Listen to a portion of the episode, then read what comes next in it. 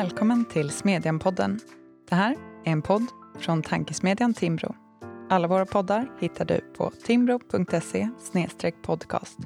Dagens avsnitt är en inläst essä ur vår sommarserie med röster och reformer för Sverige. Sverige är ett stort land med städer, platser och landskap som skiljer sig åt och vars särprägel man måste förstå för att förstå Sverige. Med drygt ett år kvar till riksdagsvalet har Smedjan låtit nio skribenter göra nedslag på olika platser i landet. Vad pratas det om? Vilka problem finns? Vilka lärdomar kan man dra av platsen? Välkommen att följa med på Smedjans resa genom Sommarsverige.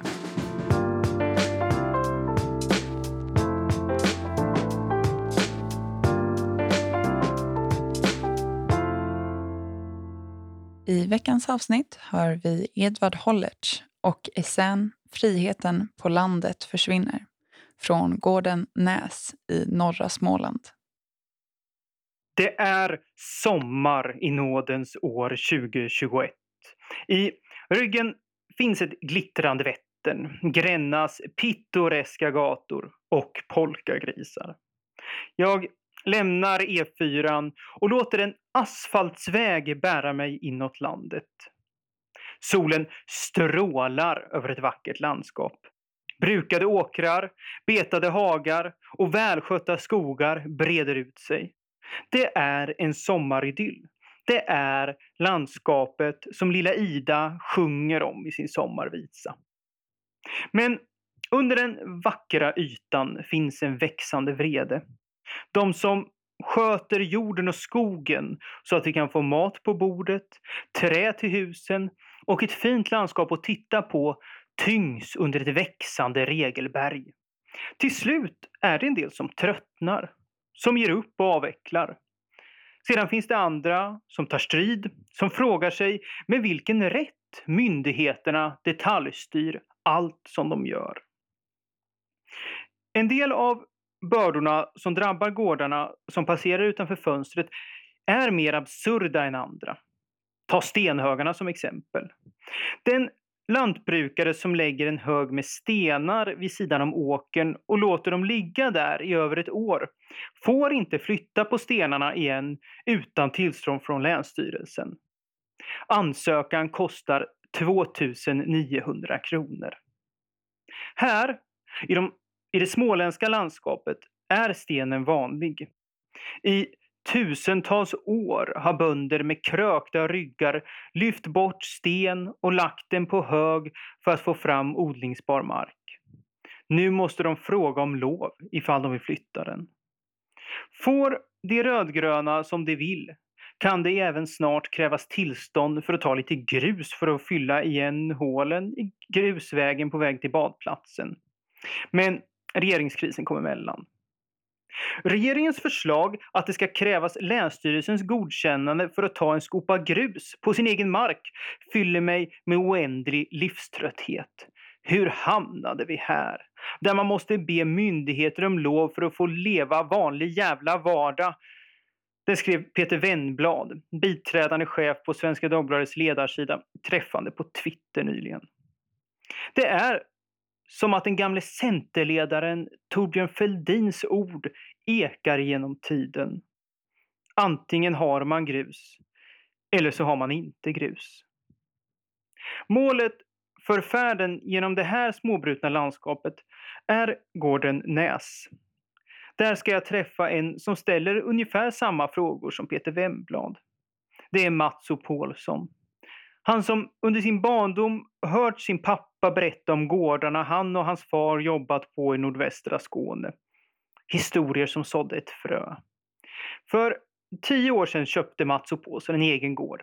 Här i norra Jönköpings län. Från början var det skogen och jakten som lockade. Men snart fann han sig allt mer intresserad av jordbruket. Kanske var det ingenjören Mats O. Paulssons teknikintresse som tog överhand när han snart var fast besluten på att bygga upp en hållbar livsmedelsproduktion på gården och hitta tekniken för att sluta kretsloppen. Det borde vara en jordbrukspolitisk dröm. Men trots att Mats O. Paulsson försöker bygga ett jordbruk som tar stor miljö och klimathänsyn är trycket från myndigheterna betungande. Kontrollerna är många. Och en dag så får han ett samtal från Länsstyrelsen som ställde saker på sin ände. Mer om det sedan. Innan vi kommer till gården Näs och Mats och Paulssons berättelse måste vi veta vilken väg vi har tagit för att komma dit och vart vi är på väg. Asfaltsvägen passerar vid det här laget det lilla samhället Örserum. Villor, en kyrka, en lanthandel tronar där. Det är ungefär vad orten består av. Bakom lanthandeln i Örserum tillverkas dock Sveriges bästa isterband. Kändiskocken Leif Mannerström har sagt att om han sätts på en öde ö, ja då vill han ha med sig en god lagrad ost och isterband från Örserum. Men de verkar inte vara särskilt mycket för att skryta här i trakterna mellan Gränna och Tranås. Reklamskyltarna är diskreta. Lanthandeln där isterbanden säljs ser ut som de flesta andra mataffärer i mindre samhällen. Isterbanden i Örserum kan symbolisera den jordbrukspolitiska inriktning som har gällt under årtionden i Sverige. Att sälja svenska livsmedel på kvalitet och inte i kvantitet. Det är därifrån vi kommer. Nyckelordet för att förstå decennier av svensk jordbruks och landsbygdspolitik är mervärden.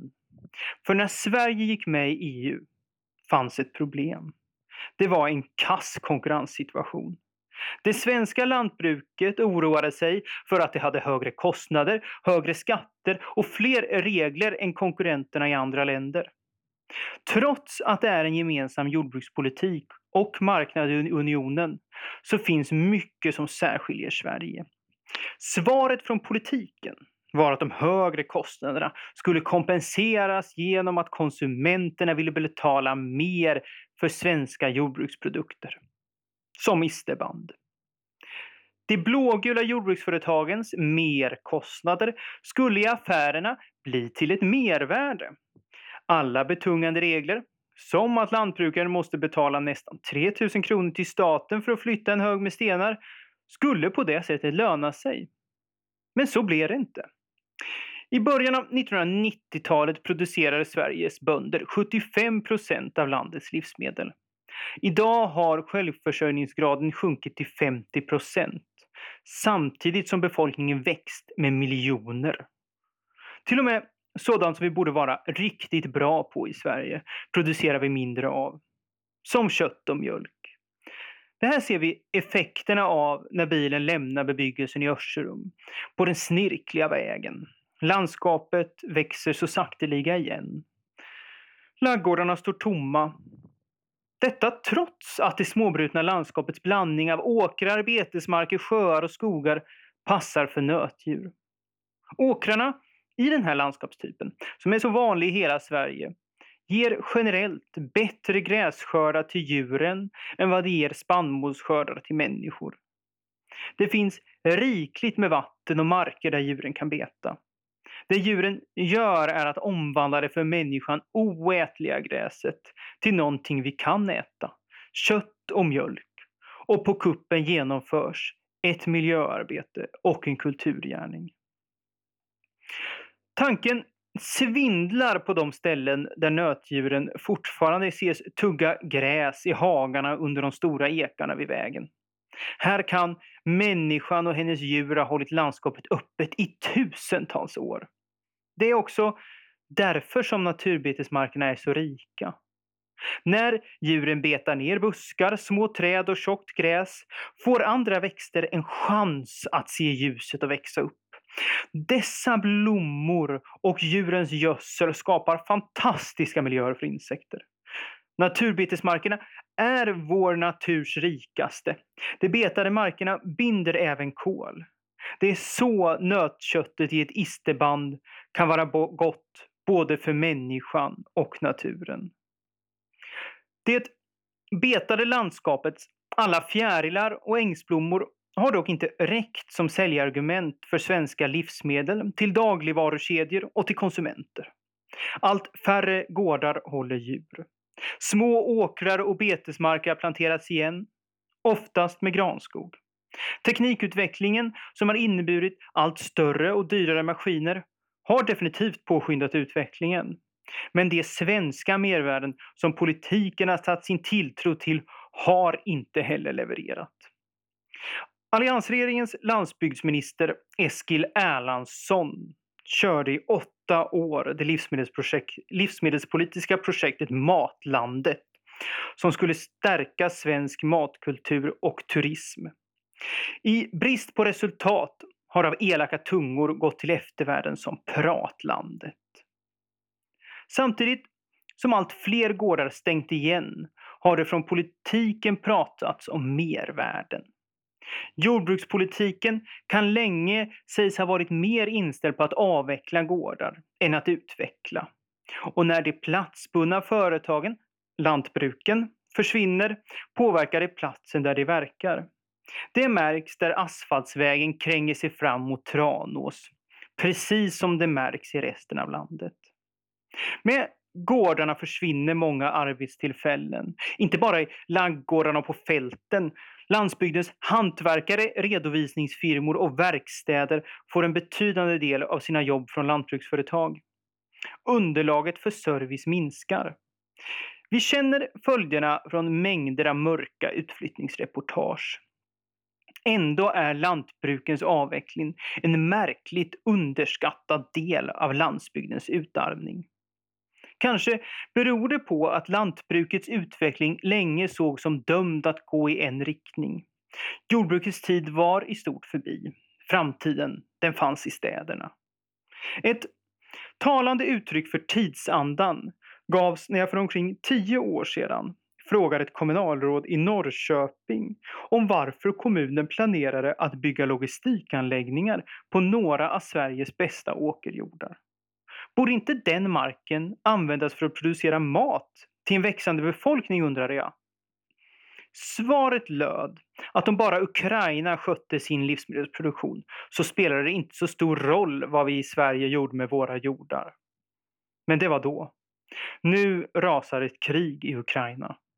Plötsligt är de nationella målen för livsmedelsproduktionen tillbaka. År 2017 klubbade riksdagen en livsmedelsstrategi. Efter 20 år av minskad matproduktion skulle trenden vändas. Inom politiken var det som att det hade slagit ner en snilleblixt i flaggstången på riksdagshuset. Sedan länge förlorade pusselbitar föll på plats. Insikten slog till att lantbruket är en möjlighet för totalförsvaret, miljöarbetet och jobbskapandet i ett. Tre flugor i en smäll. Livsmedelsstrategin togs under press. Den bör ses som resultatet av en allt mer orolig och grälsjuk omvärld. Sedan 2017 har osäkerheten fortsatt att öka. Under Putin har Ryssland intagit en revanschistisk hållning och vill ha tillbaka sin gamla inflytelsesfär. Kina drömmer om världsherravälde. Parallellt har EU försvagats av Storbritanniens utträde och USA under Donald Trump försämrade senare de transatlantiska förbindelserna. Coronapandemin har därefter visat att det osannolika kan inträffa. När hyllorna i livsmedelsbutikerna gapade oroväckande tomma i pandemins inledningsskede kändes det plötsligt som en bra idé med en nationell livsmedelsproduktion som kan sätta i alla fall lite mat på bordet. Utan mat, ingen civilisation. En annan insikt som lär ha slagit till samtidigt som den säkerhetspolitiska var att svenska lantbruk i jämförelse med de i många andra länder har låg klimat och miljöpåverkan. Så därför resonerade riksdagen. Bör mer av maten vi äter vara producerad under de hårda svenska lagarna snarare än under okända eller dåliga villkor utomlands. Och den tanken föder en annan tanke. Det skulle rent av för miljön kunna vara en god strategi att producera mer mat här och exportera för att ersätta livsmedel med större klimatavtryck. Lantbruket kan till och med vara positivt för miljön. som den biologiska mångfalden på naturbetesmarkerna. Det finns dessutom en moralisk dimension här. Hur kan vi importera mat producerad under villkor som skulle leda till åtal i Sverige? I riksdagens livsmedelsstrategi kokar de säkerhetspolitiska och miljömässiga insikterna samman med den gamla devisen om att hela Sverige ska leva. Och som bekant börjar allt med jobben. Ökade ambitioner inom matproduktion kan skapa fler jobb utanför storstäderna. Enligt siffror från Lantbrukarnas riksförbund LRF så ger en miljon i ökad omsättning på ett livsmedelsproducerande jordbruksföretag 2,51 nya jobb. Den siffran kan ställas mot snittet för näringslivet som helhet som vid samma tid var 1,42 nya jobb per miljon i ökad omsättning. I livsmedelsstrategin förenas allt.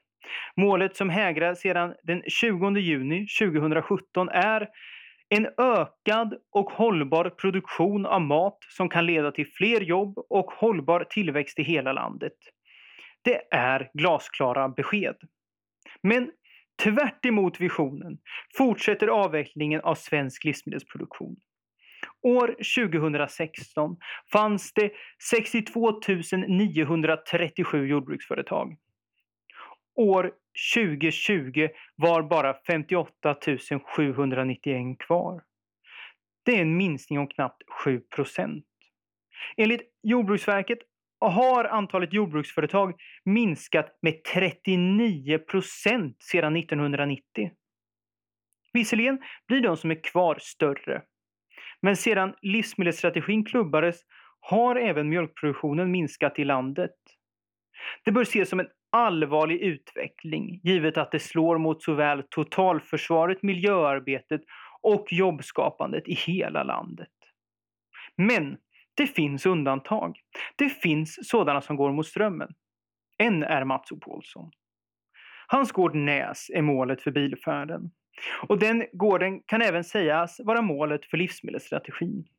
För här har stora ansträngningar gjorts för att uppnå det riksdagen efterlyser. En ökad och hållbar livsmedelsproduktion som bidrar till tillväxt i hela landet. För att försöka sluta kretsloppet av energi har Mats köpt eldrivna maskiner, lagt tusen kvadratmeter solceller på taken och investerat i såväl värmepumpar för uppvärmning som gårdens gamla mikrovattenkraftverk. Det har gett resultat. Gården producerar ungefär 90% av elen som förbrukas på den. För att hålla de artrika betesmarkerna öppna har han köpt nötdjur som han har låtit bygga nya stallar till. Betesmarker som för ett par årtionden sedan planterades igen med skog har under senare år återställts. Efter att granplanteringarna har huggits ner har stora ekar åter kommit fram i ljuset. Och för att gården fortsatt ska ge arbete till en anställd har Mats O. Paulsson fortsatt att satsa varje gång han ställts inför vägskälet att avveckla eller utveckla jordbruket på gården. Just att behålla en verksamhet som håller gården vid liv framstår som en drivkraft för Mats och hans familj. Att gården och den egna lilla värld som den är ska leva sägs vara motivet till att de har renoverat de fem bostäderna som finns på Näs. Men 60 hektar åker och lika mycket bete är en gård som det inte är självklart att satsa på egen drift av. Inköpen av dagens stora maskiner brukar kräva större arealer för att de ska betala av sig. Men om vi återvänder till signalerna från politiken lär vi behöva många livsmedelsproducerande företag lik Näs för att minska sårbarheten i kedjan. Motsatsen, en fortsatt utveckling mot några gigantiska aktörer som producerar den mesta maten gör livsmedelssystemet som helhet mer känsligt för störningar. Ett illustrativt exempel på hur sårbar matförsörjningen blir när många mindre gårdar ersätts av några få stora, det gavs i påsk. Då varnades det för äggbrist efter ett utbrott av fågelinfluensa som drabbat bland annat Sveriges största äggproducent. Efter det krävde en del andra lantbrukare med äggproduktion att det sätts ett tak på hur många höns som får hållas i en och samma region. Vi kan inte lägga alla svenska ägg i samma korg, skrev tre äggproducenter i en debattartikel i Svenska Dagbladet. Vad är det då som kan få fler att satsa på lantbruk? För att stärka totalförsvaret, miljöarbetet och tillväxten? Eller för att vända på det, vad är det som hindrar gårdarnas företagande från att blomstra? Ett besök på Näs kan förhoppningsvis svara på frågan. Under bildäcken knastrar nu gruset på gårdsplanen på Näs. De stora vårdträden skänker skugga åt den gamla gården. En stund senare ställer Mats och Paulsson fram två kaffekoppar och vinerbröd på ett bord i solen. Han är näringslivstoppen som oväntat blev biten av lantbruk. Och ju mer han ser av lantbruket, desto mer förundrad blir han över vad som möter honom. Han säger det är obegripligt hur många kontroller som myndigheterna genomför här på gården varje år. En dag kan någon från Länsstyrelsen inspektera de stora ekarna. Nästa dag kollar en annan tjänsteman djurens märkningar och den tredje dagen dyker en tredje inspektör upp för att gå över betena med särskilda värden. Men sedan behöver det ändå komma ut en ytterligare inspektör för att några veckor senare titta på de vanliga betesmarkerna. Länsstyrelsen arbetar i totalt slutna stuprör. Jag tänker på och lider med de heltidslantbrukare som inte kan få hjälp från andra. Hur hinner de med? Vi är kravcertifierade här på gården, vilket innebär att vi också måste lägga en halv eller en hel dag om året till att träffa Kravs kontrollanter på plats. Förra året var Krav här en dag och kollade allt. Nästa dag kom Länsstyrelsen för att inspektera i stort sett samma saker. Vi försökte säga till Länsstyrelsen att vi har fullt upp. Det är en anställd som ska se till djuren och sköta allt i jordbruket och han kan inte lägga två dagar i rad på att bara visa runt kontrollanter. Men det gick inte att ändra. Och den här händelsen är i det lilla ett exempel på hur myndigheterna inte borde arbeta. Tänk istället om Länsstyrelsen skulle kunna arbeta mer proaktivt och stödjande. Inte enbart leta fel, utan tala om hur vi på bästa sätt kan göra saker. Vi vill ju lära hur vi gör saker på bästa sätt. Att Mats O. Paulsson har synpunkter på hur länsstyrelserna är organiserade, det är kanske inte så konstigt. Han har ägnat ett yrkesliv åt att bygga och styra stora organisationer. Bakom sig har han en rad vd-poster. Nu är han styrelseordförande i ett par börsbolag och ett statligt bolag. Men vad kan Länsstyrelsen göra annorlunda? Vad är roten till det onda, frågar jag honom. Allt börjar med uppdragsbeskrivningen och hur cheferna tolkar uppdraget och hur de förmedlar det vidare.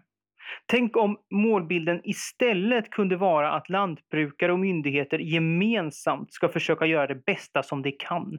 Att utveckla en hållbar verksamhet.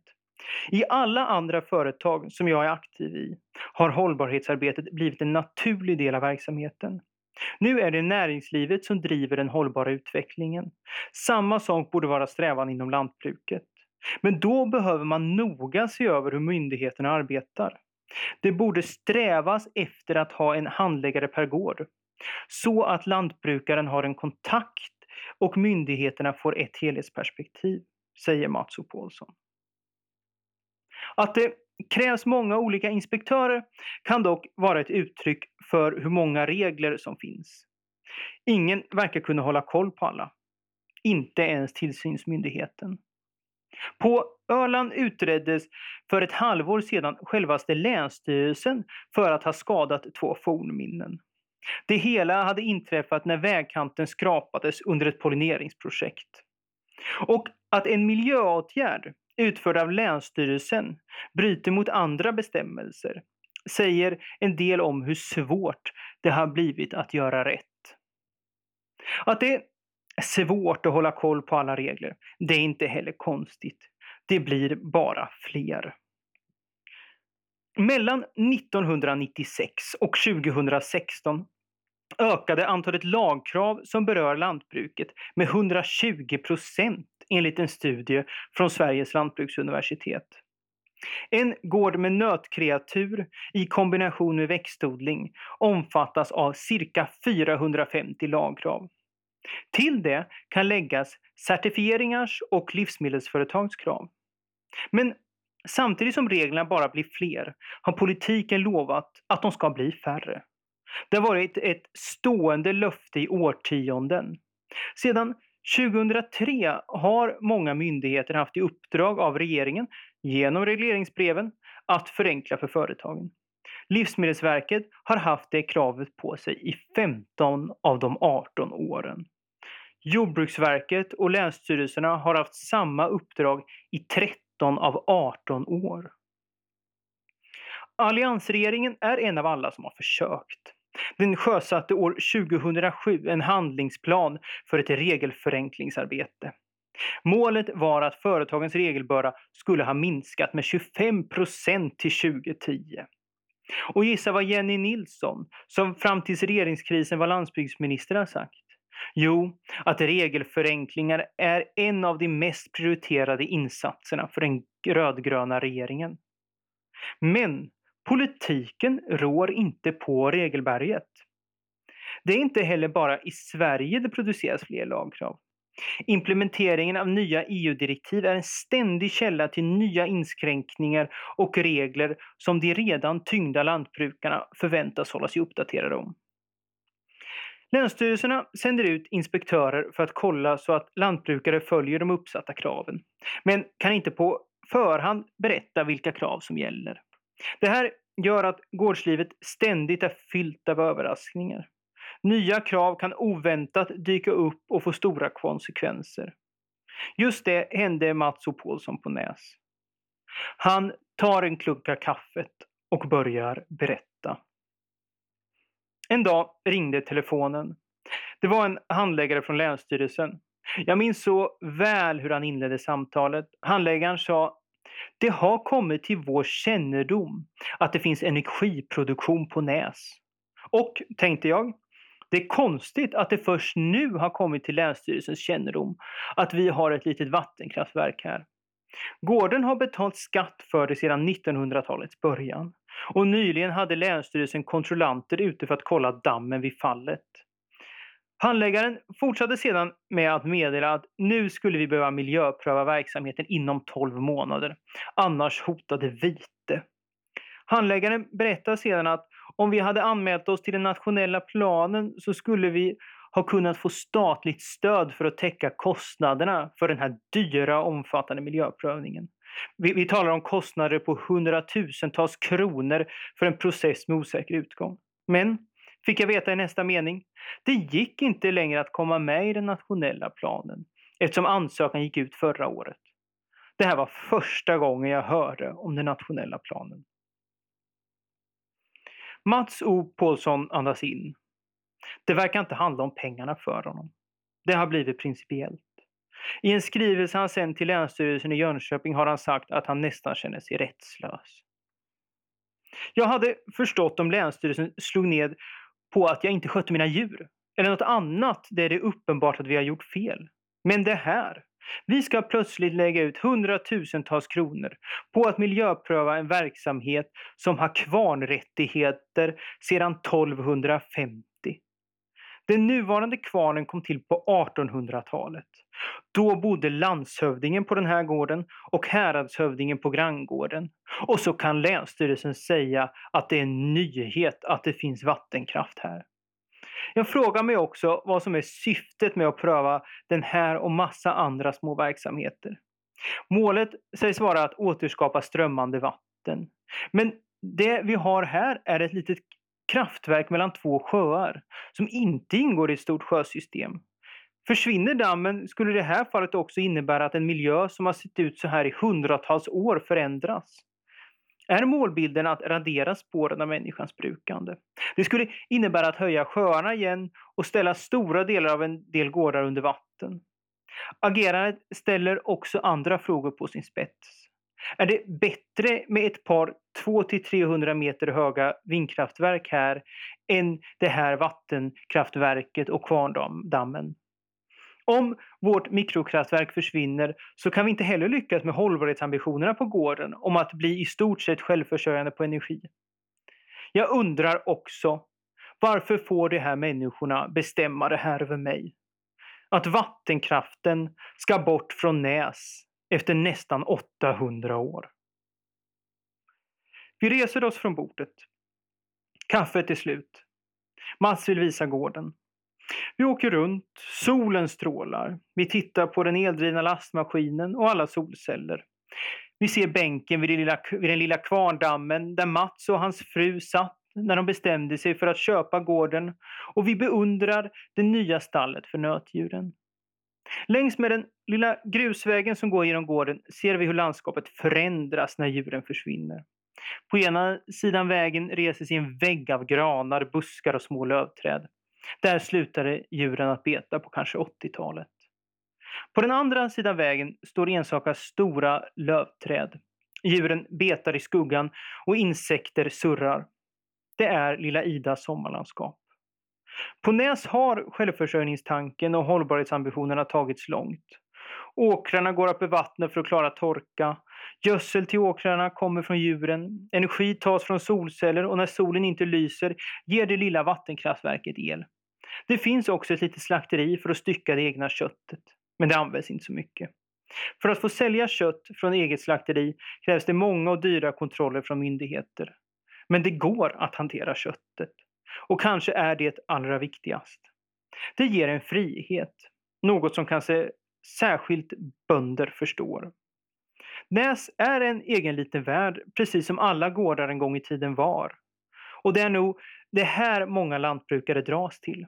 Det som lockar många till yrket är friheten att odla sin egen mat, bestämma över sin tid och arbeta i naturen. Det är en livsstil där frihet och ansvar möts i vardagen. Just begreppet frihet återkommer ständigt lantbrukare till i undersökningar om varför de har valt att arbeta med det de gör. När Landshypotek förra året frågade lantbrukare vad som kunde bli bättre svarade en tredjedel just det. Större frihet. Men det lantbruket får är inte större frihet. Istället växer ständigt regelbördan samtidigt som politiken fortsätter att lova motsatsen. Och samtidigt som riksdagen högtidligt har proklamerat att vi måste öka matproduktionen i landet för miljöns, totalförsvarets och landsbygdens skull så fortsätter gårdarna att bomma igen. Välkommen till pratlandet Sverige. Du har lyssnat på en inläst essä från Smedjan och tankesmedjan Timbro. Hela serien Smedjans sommarresa och alla våra artiklar hittar du på timbro.se smedjan. Vi ses där och hörs igen här om en vecka. Glad sommar!